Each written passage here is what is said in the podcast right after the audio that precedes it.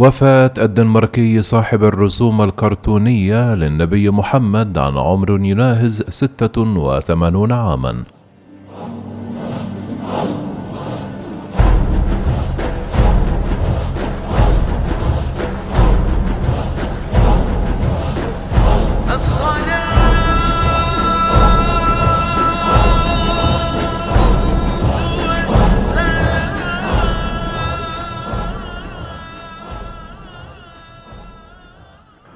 توفي كورت ويسترغارد رسام الكاريكاتير الدنماركي الذي أثار رسمه الكاريكاتوري للنبي محمد صلى الله عليه وسلم غضب العديد من المسلمين في جميع أنحاء العالم عن عمر يناهز ستة وثمانون عاما.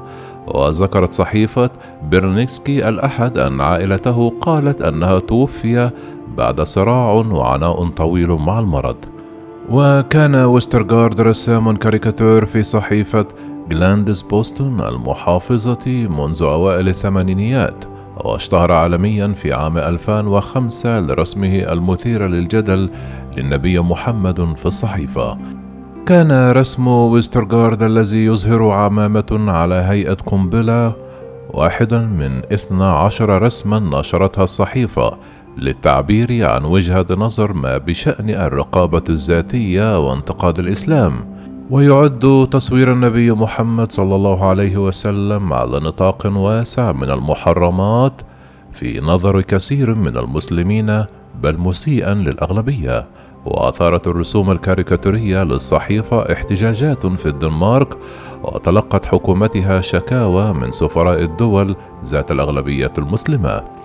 بلغ الغضب ذروته في احتجاجات في أنحاء العالم الإسلامي في فبراير من عام 2006 وهجمت السفارات الدنماركية وقتل العشرات في أعمال شغب. وترك نشر الرسوم الكرتونية إرثا دائما إذ قتل 12 شخصا في عام 2015 في هجوم على مكاتب مجلة شارلي إبدو الفرنسية الساخرة التي نشرت رسوما كاريكاتورية. وبعد نشر الرسوم تلقى ويسترغارد العديد من التهديدات بالقتل وكان هدفا لمحاولات الاغتيال. واختبأ في البداية لكنه قرر بعد ذلك أن يعيش علانية في منزل شديد التحصين في مدينة أورهوس ثاني أكبر مدينة في الدنمارك. وفي عام 2008 أعلن جهاز المخابرات الدنماركي عن اعتقال ثلاثة أشخاص متهمين بالتخطيط لقتل ويسترغارد. بعد ذلك بعامين ألقت الشرطة الدنماركية القبض على صومالي يبلغ من العمر 28 عاما مسلحا بسكين في منزل ويسترغارد.